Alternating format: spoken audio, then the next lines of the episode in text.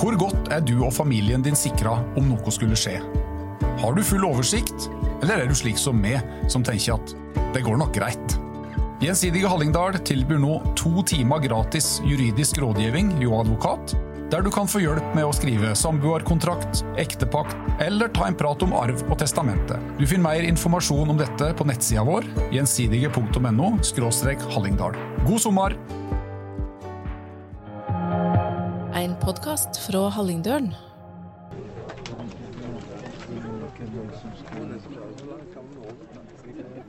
Juni 2023. Sommersolen skinner over en nyasfaltert bro som er i ferd med å åpne i Flå. Snart klippes snora. Broen glinser i solskinnet, der den strekker seg over Hallingdalselven og knytter grenden Austvoll til rv. 7. Da erklærer jeg herved eh, Austvoll bru for åpnet, men ni års ventetid er nå endelig over. Dette er nok en merkedag for Hallingdals minste kommune. Og om man prater om merkedager, snorklipping og åpninger, så er det vel ingen kommune i Hallingdal, eller kanskje til og med i Norge for den saks skyld, som har hatt like mange de siste 15 årene. Og det, det er takket være én mann.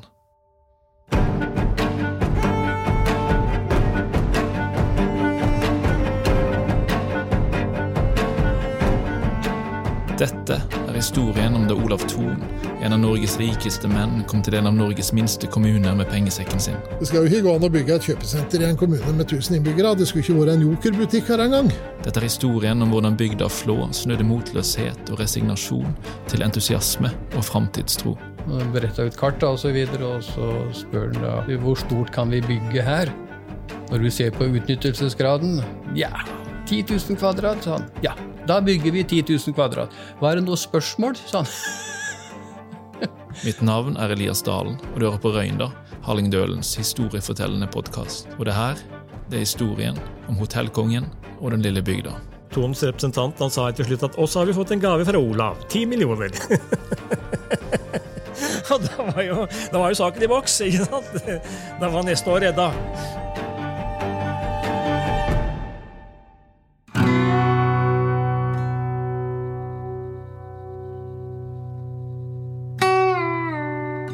Først i Hallingdal eller sist, alt ettersom hvilken vei du kommer, ligger Flå, eller Flø, som de selv sier. En kommune med 1100 innbyggere, kjent for hytter, det sagnomsuste fjellområdet Vassfaret, og ikke minst Bjørneparken. Flå er også et sted folk stopper langs veien, for her går rv. 7 en av hovedfartsårene mellom øst og vest rett gjennom sentrum. Og med kjøpesenter, restauranter, hurtiglader og bensin, så er det mange grunner til å ta seg et stopp. Tor Egil Buen er tidligere ordfører i Flå. Opprinnelig fra Ål flyttet han nedover dalen på 90-tallet. Ja, det er vel det. Jeg vel klar hvis jeg skulle Nå er han næringsutvikler og serverer kaffe på pumpekanne på kontoret. Tor Egil er en solid kar på 1,95, av en jovial og karslig framtoning og en brummende latter. Når det kom til Flå på 90-tallet, det var jo kjempeflott. Jeg hadde jo fått drømmejobben eh, med den utdanninga mi, så, så var det å bli skogbruksleder i Norges største skogeierforening eh, det på en, i en skogbrukskommune som Flå, det var, det var en drømmejobb. Drømmejobb og tilværelse til tross. Tor Egil er tydelig på at viljen til å satse på utvikling i bygda ikke var særlig stor. Som en sa når, rett etter jeg hadde flytta til Flå, du skjønner det, Tor Egil, sa han, det nytter ikke her i Flå.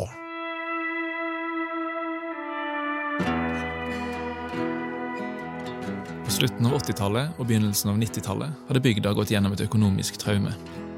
Selskapet Nyboloft, som hevdet å ha et eget system for loftsbygg, der selvbærende konstruksjon gjør det mulig å enkelt bygge nye loftsetasjer på helt vanlige hus, ønsker å etablere seg i bygda.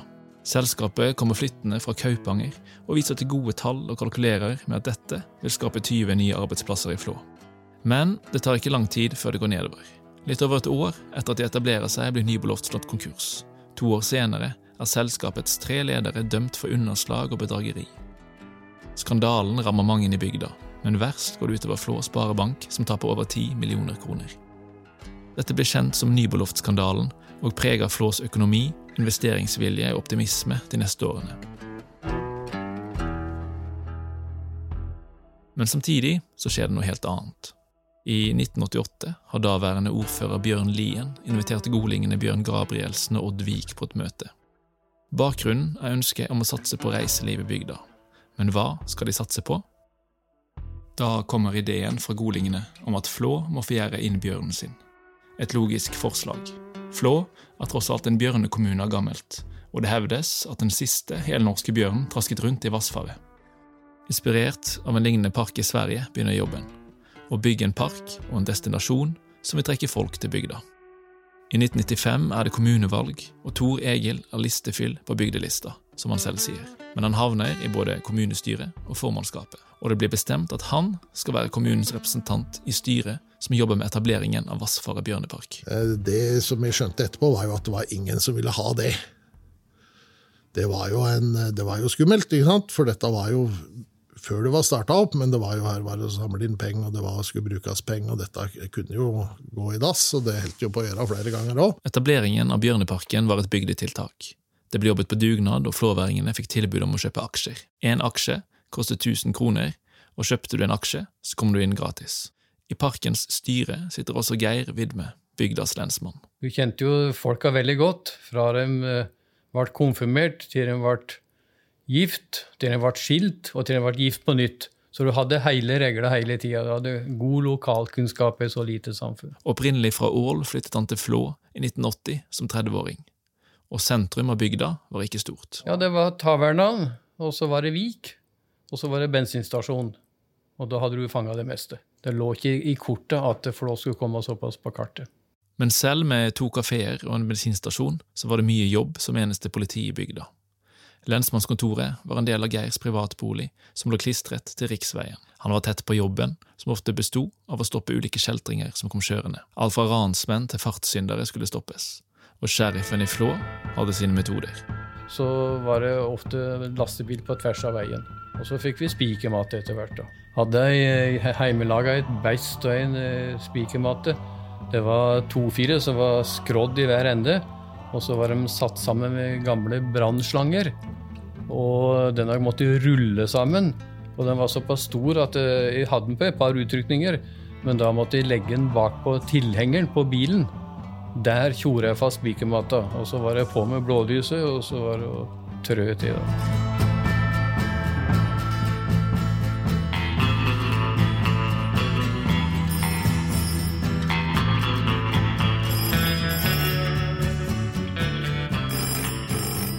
En dag, trolig på slutten av 80-tallet, ringer telefonen på lensmannskontoret i Flå.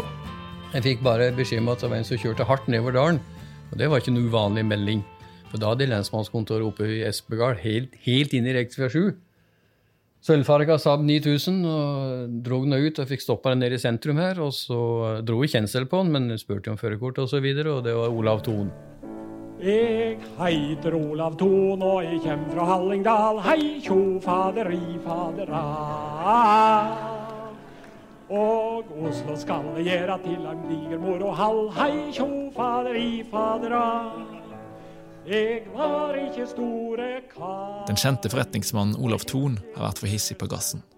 Født og oppvokst på en gård i Ål flyttet Thon til hovedstaden som 16-åring. Etter flere år med pelsbutikk i Oslo slår Thon seg opp som eiendomsinvestor og kjøper opp flere bygg i hovedstaden. I perioden han blir stoppet av Geir, er han i gang med å etablere det som i dag er kjent som Thon Hotels. Lensmannen Geir har stoppet en av Norges rikeste menn, og som medvirkende i etableringen av Bjørneparken nevner han prosjektet for Thon. Jeg jeg sa til henne, at det gikk vel litt fort, dette. Ja, vi gjorde vel det. Og så var hun førerkort og sånt, og så kikka på det. og Hun skulle langt ned, hun skulle til byen og kom fra Ål, og så Ja, og så nevnte på Vi driver når vi først har stoppa deg, så driver vi her med å planlegge en bjørnepark. Så den, den hadde vært artig å vise deg de planene for deg. Og da ble den interessert. Bjørnepark og skulle ligge igjen, og så videre. Og så, før vi reiste, da, så sa han at han skulle komme tilbake. Og det gjorde han. Det tar ikke lang tid før Thon dukker opp på lensmannskontoret igjen. Han vil gjerne se tegningene for den planlagte Bjørneparken. Og jeg husker jeg bretta dem utover på gulvet og kikka på det. Og jeg var jo ganske stolt over de tegningene jeg hadde. og det jeg var mest stolt av, det var at vi hadde satsa såpass stort at det var ganske svære parkeringsplasser. Så jeg spurte jo Ton hva han syntes om dette. Jo, dette ser bra ut, men du har for liten parkering, sa han. Men jeg, ble, stussa litt på at han skulle si det, for det var egentlig det jeg var mest fornøyd med. det var parkeringa. Men det var han minst fornøyd med. Men han hadde jo en litt annen bakgrunn enn den skarvelensmann. Entusiasmen til tross, Thon investerer ikke i parken. Men bygda jobber på, og sommeren 1997 åpner Vassfaret bjørnepark. Året etter åpningen, helt uventet og ikke planlagt, kommer det bjørnunger. 41 000 mennesker kommer for å se. Det er en kanonstart for parken og gir et overskudd. Parken bruker pengene på å skaffe seg elg, med håp om at det vil trekke til seg tyske turister. Men elgen blir ingen stor suksess. De neste årene halter det å gå rent økonomisk, og destinasjonen Bjørneparken blir ikke som bygda hadde drømt om. Året er 2001, og TV 2 spiller inn sin første sesong av realityserien Farmen i Flå. Kanskje er det dette som skal sette Flå på kartet. Men i riksmedia blir bygda driti ut. VG omtaler plassen som et gudsforlatt sted. Flå kampen for tilværelsen. Som fast ansatt journalist så har jeg dekt Flå kommune siden 1974. Men jeg dekket jo det også som frilanser, så har jeg vel dekt Flå siden 1970. tenker jeg. Det her er Arne Ole Lindahl, mangeårig journalist i Hallingdølen. Han har dekt bygda Flå gjennom oppturer og nedturer. Flø kjempa jo veldig for å komme på offensiven. Altså Flø sleit med eh, skeiv aldersfordeling, forgubbing, nedgang i folketallet. Flø var en plass der folk reiste forbi. Uh, og de hadde Jeg følte at de hadde liten tro på seg sjøl, for det var liksom oppi i dalen alt skulle skje. Uh, og fløvringene kjempa på en måte en kamp i motvind, følte jeg. Fløvringene reiste jo til Nes på lørdagene for å handle. De, dro til frisøren, de tok til tannlegen. Og, og der møttes de på kjøpesenteret i Nes, eller Nesbyen sentrum. Så det var, det var, lite som skjedde i Flø sentrum. Og det var, det var en ja, stygt å si det kanskje, men en litt daud plass som ikke ble regna med i, i, i, Hallingdal. I 2006 får Arne Ole et tips om at Thon har kjøpt aksjer i Vassfaret bjørnepark for 300 000 kroner. Jeg, jeg spurte han hvor vil du med dette her. Nei, det svarte han litt unnvingende på, men bare at han hadde kjøpt aksjer. Det var det flere som undra. Hva er det Thon nå vil? For det hadde ikke han gjort uten, eh, uten eh, at han hadde en plan. Det er nå ti år siden parken åpnet.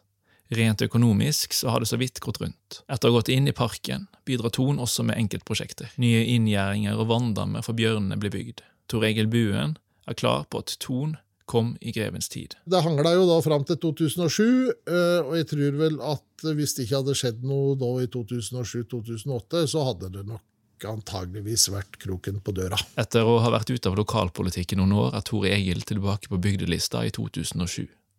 Dette året topper han lista og er ordførerkandidat, men kommunen han vil bli ordfører i, er på et all time low.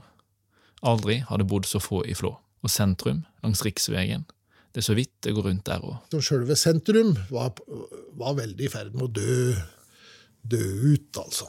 Så er det 970 innbyggere, og så er det, er det en sparbutikk og en Esso og en Vegro. Det var det. Etter valget i 2007 overtar Tor Egil ordførerskjedet. Det tar ikke lang tid før Olav Thon slår på tråden til den nye ordføreren. Han forteller at han har kjøpt Vik gjestgiveri som ligger på en sentral tomt midt i Flå sentrum. Uh, og så sa han at vi burde vel prøvd å fått et slags næringsbygg. Og da, når han sa næringsbygg, så tenkte jeg en slags fabrikkhall eller noe sånt. da. Tenkte Det passa vel ikke i sentrum. Men det er et kjøpesenter Thon vil bygge. Kjøpesenter og hotell. Ryktene om salget og planene sprer seg, og Tor Egil bestemmer at de må ha et møte og informere. Og Thon, han må være der. I slutten av november 2007 kommer Ton til Flå for å fortelle om planene sine. I et møterom på kommunehuset beregnet for ti personer sitter nå over det dobbelte. Det er tettpakka. Kommunepolitikere, administrasjon og en håndfull andre sitter nå og venter spent. Tor Egil tar imot Ton før møtet. Og så åpna vi døra til dette her eh, møterommet, som jo var fullstendig overfylt. Og så ser eh, Olav Thon inn, og så sier han ja, dette var et praktisk møterom.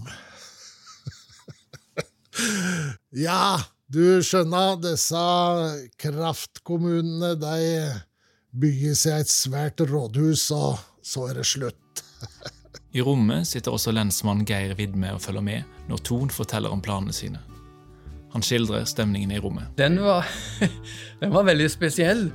Var, det var helt stille, og folk satt nok med De førte med på hva som ble sagt og gjort. De satt ikke og leka med noen mobil i hvert fall. Det gjorde de ikke, Så det var sånn litt elektrisk stemning, altså. På utsiden av kommunehuset står journalist Arne Ole Lindahl sammen med Hallingdølens fotograf Sigmund Krøvel Velle. Med kamera fanger han øyeblikket som snur opp ned på Flå. Framoverlent står Olav Thon foran kommunens representanter. Ikledd en rutete blazer og limegrønn skjorte presenterer han planene han har for tomta han har kjøpt. I bakgrunnen kan man skimte Tor Egil Buen med optimisme i øynene. Når møtet er ferdig, får Hallingdølen komme inn. Arne Ole har spørsmålet klart. Da var første gang jeg møtte Ton, og da, da fortalte han meg jo prosjektet sitt. Og da spurte han direkte eh, ser du for deg Bjørneparken som en destinasjon. Og så sa han ja. Sa han. Og da forsto jeg hva han, hva han ville, og da sa han at da må jeg ha noe mer. Da må, da må jeg ha et hotell og jeg må ha et kjøpesenter. Og så sa han syns du ikke det? sa han til meg. Jo, sa han, det syns jeg absolutt. Eh, for at han, jeg forsto prosjektet hans. Han måtte bygge opp noe rundt Bjørneparken som på en måte kunne serve Bjørneparken. Både som trekkplaster og som et sted å være. ikke sant? Folk måtte ha overnatting, folk måtte handle. Tor Egil forstår at dette er et vendepunkt for bygda. Det kunne jo vært mange som kunne komme og sagt det, men du hadde jo ikke trodd på deg. Men, men, det er klart når det kommer en mann som har penger til det, og har penger til å ta, så han kan jo tape pengene, men det spiller jo ingenting for han. Uh, og i tillegg si at uh, nei, Flå, nei, det er en interessant plass. Det var jo ingen som hadde sagt før. ikke sant? Det var jo, vi var, som jeg har sagt før, Flå var et slags eh, mobbeoffer. Ikke lenge etter inviterer Ton Flås representanter til Sollihøgda, der han bor. Han skal nå presentere tegningene av et kjøpesenter. Møtet skjer i et festlokale Ton har leid ut til et bryllup kvelden før. Så når vi kom der, så drev Olav Ton og rydda bord og stoler. Eh, og så sto det igjen litt potetgull og sånn, og det serverte han. Geir Vidme er også med på møtet. Ton kom jo med sin, sin planlegger og beretta ut kartet osv. Og, så videre, og så spør han da hvor stort kan vi bygge her? Når du ser på utnyttelsesgraden Ja, 10 000 kvadrat, sa han. Ja, da bygger vi 10 000 kvadrat. Var det noe spørsmål, sa han. det var helvete. Og så hadde vi noen pølser etterpå. Pølse og lompe. Samtidig som planene for det nye kjøpesenteret går sin gang, fortsetter Thon å investere i Bjørneparken. September 2008 åpner Vassfarhallen, et nytt inngangsparti som gir parken et reelt løft. Det er Bjørneparken som er utgangspunktet for alt dette her. Men det er klart, eh, når man eh, først eh, stopper på Flå for å titte på Bjørneparken, så bør det kanskje være visse andre tilbud også. Hele bygda er invitert til åpningen med småmat og lefsekling, og nesten hele Flå møter opp. Det er stappfullt, og det her er første gang hele bygda får møte Ton. Og Ton han skal også vise planene sine for kjøpesenteret til hele Flå. Det var ekstatisk. Det er nesten som når eh, City kom igjen fra eh, Istanbul her om dagen. Når de kom opp i Bjørnparken, så hadde de med seg to presentasjoner. Den ene var, med, var kjøpesenter, og den andre var kjøpesenter med hotell. Og da hadde jeg ennå ikke fått beskjed om hvem de skulle ta fram. Eh, men der var det jo stående, stående applaus, og jubelen sto i taket. Så da ble det den med hotell. Det var dugnadsånden som eh, avgjorde det der og da. Arne Ole er også på plass og ser alt utfolde seg. Ton blir mottatt som en helt og redningsmann. Og der stilte jo folk vet du, i bunader og eh, var skikkelig feststemt. Og det var, og det var, det var jo helt pakka inni den der Vassvarhallen Vassfarhallen der. Så når Ton kom inn der og letta på luva og helste folk, det var reine halleluja-stemningen. Altså. Det, det var en merkelig opplevelse. og Det var da jeg, det jeg forsto, eh, mens jeg sto på sidelinja der, hva dette egentlig betyr for Flå. Der satt det eldre folk på fremste benk. vet du, og De takka han jo nærmest som han hadde gitt en julegave. Så det var en veldig spesiell stemning da, da han åpna den, den der Vassfarhallen. Det, så da så vi hva dette har betydd for, for, for bygda. Flå har fått entusiasme, selvtillit og framtidstro. Kommunen gjør det de kan for at senteret skal komme på plass. Ton sine planer følger kommunens reguleringsplan fra 1999 til punkt og prikke, men det er innsigelser for andre instanser. Tett på veien, for få eller for mange parkeringsplasser, rundkjøring eller ikke Problemene er avhengig av hvem du spør. Samtidig er det finanskrise, og mange er bekymret. Vil byggingen av senter gjennomføres? Men etter hvert blir innsigelsene løst, og byggingen går sin gang. Det er vår 2010, og kjøpesenteret er så godt som ferdig. Ordføreren, som var vant til å reise ut av bygda om han skal ha annet enn melk og brød, tror ikke det han ser. Det er jo surrealistisk når du har hatt én butikk, eh, eller kanskje to, og så neste dag så har du 16. Eh, det var surrealistisk. Og det å gå, når det der kjøpesenteret ble bygd, å gå inni der og liksom se Da tenker du at dette, dette skjer jo ikke i Flå, på en måte.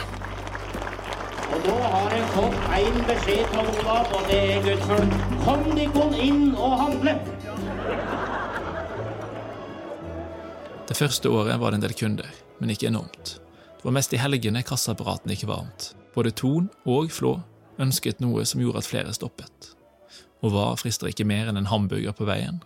Men å få McDonald's til Lille Flå er ikke enkelt.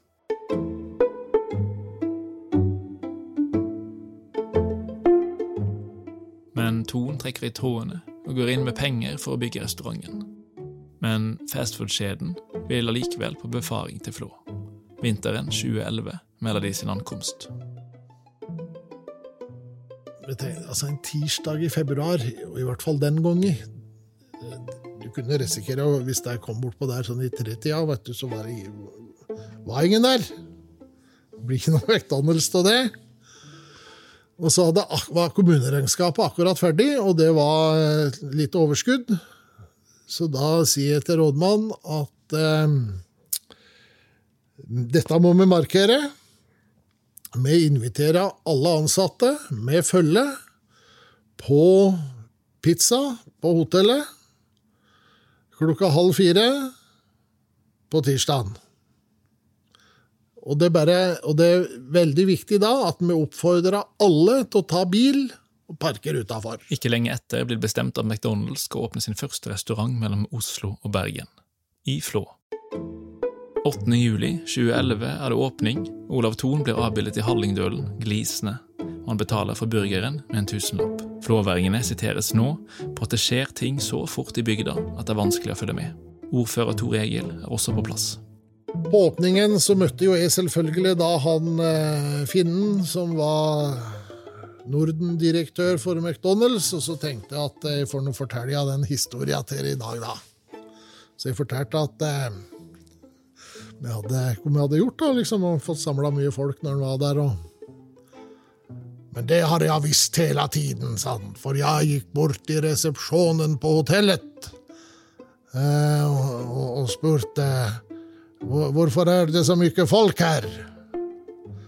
Eh, og da svarte han som sto i resepsjonen, han var svensk, forresten. Det skal komme noen jækla gubbe fra, eh, fra McDonald's. Så eh, det var Vi var avslørt. Men, men han syntes det var et godt forsøk. Olav Thon har inngått en spesialavtale med burgerkjeden. Han lå på knærne og ba om at de måtte etablere seg. Og Jan, jeg lå faktisk under gulvet og ba, som vi sier. Men, men, etter en par år så var det McDonald's som lå på knærne og ba om å få reforhandla avtalen. Arne Ole Lindahl dekker utviklingen i Flå tett. Med tiden får han mer og mer kontakt med Flås rike onkel. På et tidspunkt lager han et stort portrettintervju av Olav Thon i Hallingdølen. Og så spør han etterpå ja, men kunne jeg få lov å lese gjennom saken. for den på trykk? Ja, men det er helt greit, sa jeg. Det skal du få lov å gjøre. Så kjente han ned den. Dagen etter så kom Erik til telefonen. Så sier han at ja, det er Olav Thon. Ja, nei, men det var et meget bra intervju. Men du skriver at jeg har 6,6 milliarder i, i formue. Ja, nei, men jeg vil gjerne at du skriver 6,6 også alle desimalene. Så han ville ha med alt. Et år er han og Ole på plass i Bjørneparken for å skrive om årsresultatet. Da opplever han noe helt spesielt. Han hadde vært møte der med, med de ansatte, og da eh, Parken gikk jo ikke med overskudd. Det måtte jo dekke opp, og da jeg, han, Tons representant han sa til slutt at også har vi fått en gave fra Olav. Ti millioner. Og da var jo, da var jo saken i boks. ikke sant? Da var neste år redda. På midten av 2010-tallet endrer Bjørneparken profil og økonomisk modell, og Thon trekker seg mer og mer ut. I dag har den sunnere og god økonomi, men etter sine første aksjekjøp har Thon investert over 100 millioner i parken. Bjørneparken opplevde sitt rekordår i 2021 med 100 000 besøkende. Etter McDonald's åpnet i 2011, har det blitt etablert bygg etter bygg hvor Thon har vært involvert i en eller annen grad. Flere leilighetsbygg, kurssenter for Norges jeger- og fiskeforbund, Flå veksthus, hvor både kommunen og næringsliv har kontorplass, og stadig nye butikker. Gjennom årene har det vært en symbiose mellom Olav Thon og Flå kommune som har gått begge veier. Næringsinteresser og interesser for bygda.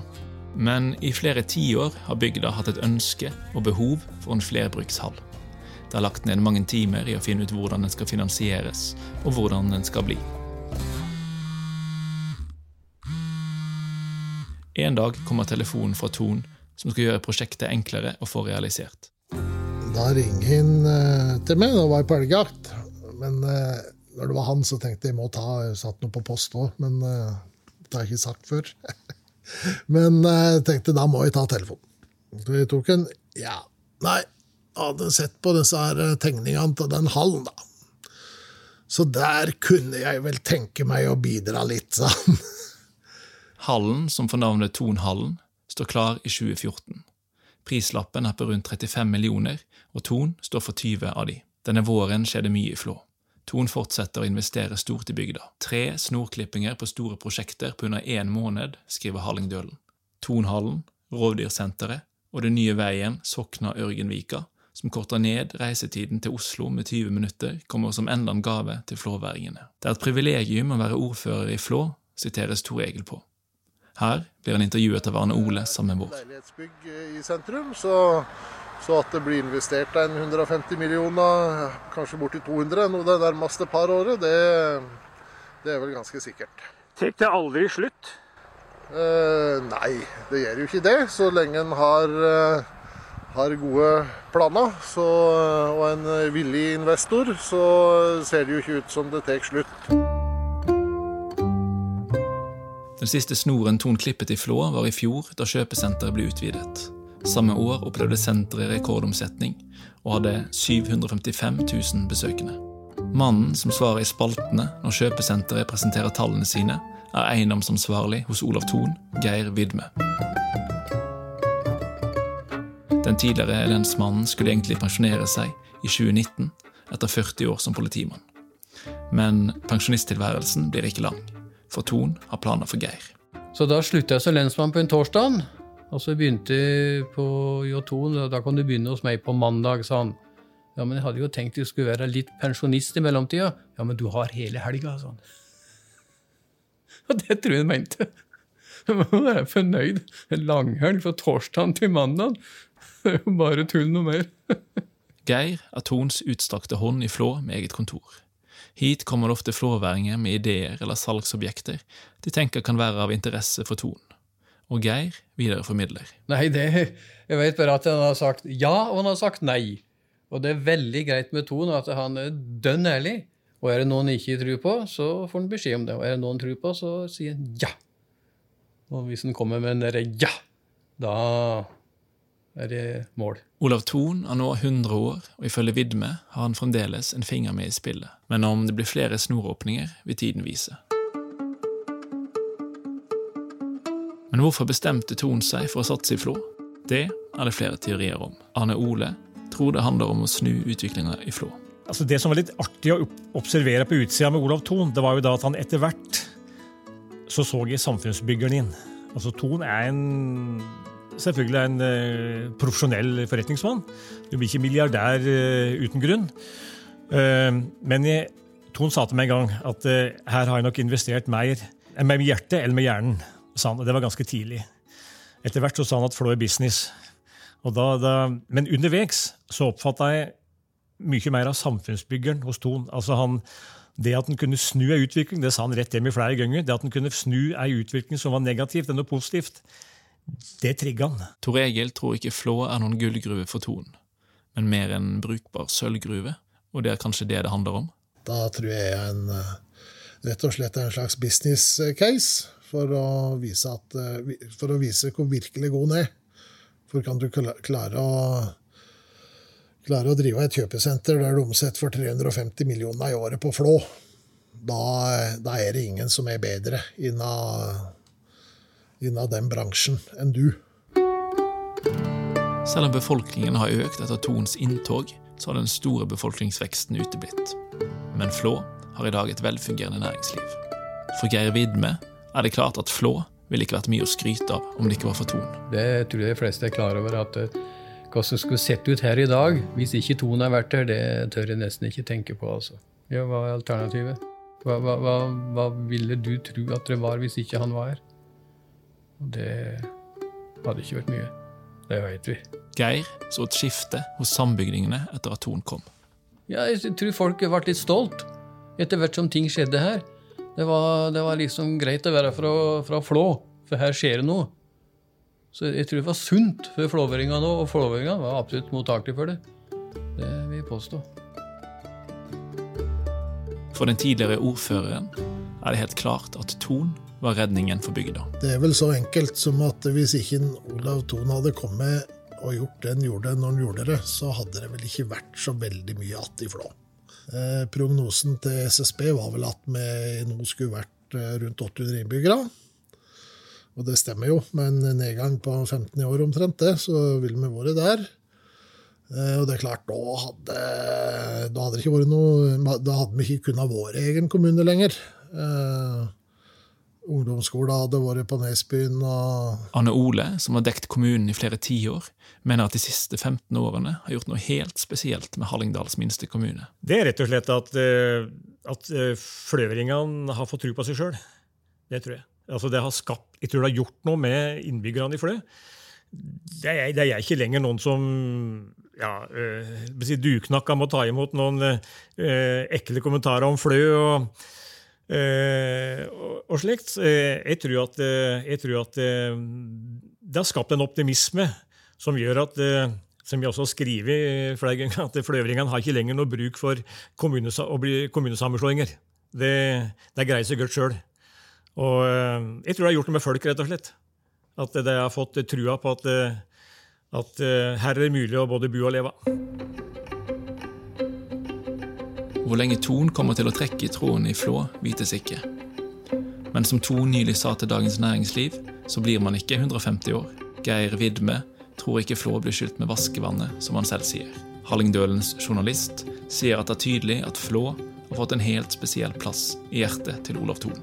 Jeg tror nok det blir veldig rart når, den, den, dagen, for i Flø så har jeg satt sin lit til at Thon står last og brast med Flø. Så at det kan være en viss usikkerhet hva som da skjer, det tror jeg. Det tror jeg. Men jeg, jeg er temmelig sikker på at dette han, dette han fiksa. Og de som, som kommer etter han, de veit presis hvorfor det har betydd for Ton. Og hva han har lagt ned der av innsats og, og entusiasme. Men Nei, altså eventyr det er jo på en måte et eventyr, da, kan du si, når, du, når, du, når vi husker hvordan det var i Flø. Altså, Det var jo bare negativt. Altså, alt, alt gikk galt. Det var liksom ikke noe tru på noe som helst. Og, og, Fløvringa var jo veldig veldig flinke til å si det sjøl. I tillegg. Så kom det en utenfra som både hadde utrolig mye penger, kjent, uh, kjent forretningsmann, uh, og da utflytta Halling, som da plutselig hadde tru på Flø. Det var, det var veldig spesielt. Du kan godt si, Jeg kan godt kalle det et eventyr uh, fra de mørkeste tidene og fram til nå. så så, er det vel kanskje det. Nei, aldri skal jeg gløyme at de kjem fra Hallingdal. Hei tjo, faderi, fadera. Og aldri ville sitta på nokon pidestall. Hei tjo, faderi, fadera. Jeg har det som mål i livet at tinga må gå og svive. Og da må noen ta initiativet. Hei tjo, faderi og fadera sann.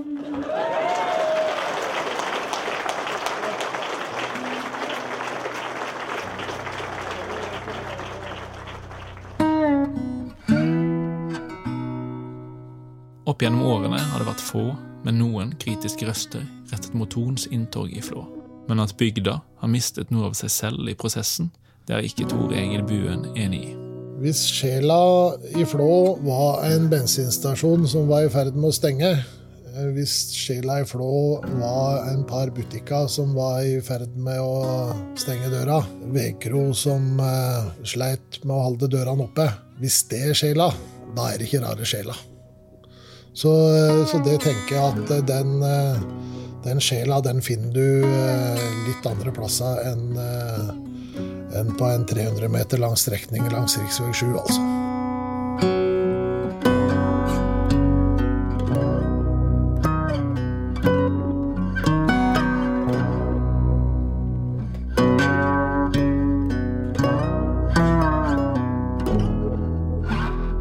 Du har hørt historien om hotellkongen og den lille bygda. Denne podkasten er laget av meg, Elias Dalen, og journalist Ragnar Hilde var en del av Røynda, Hallingdølens historiefortellende podkast. Ansvarlig redaktør i Hallingdølen er Lillian Holden.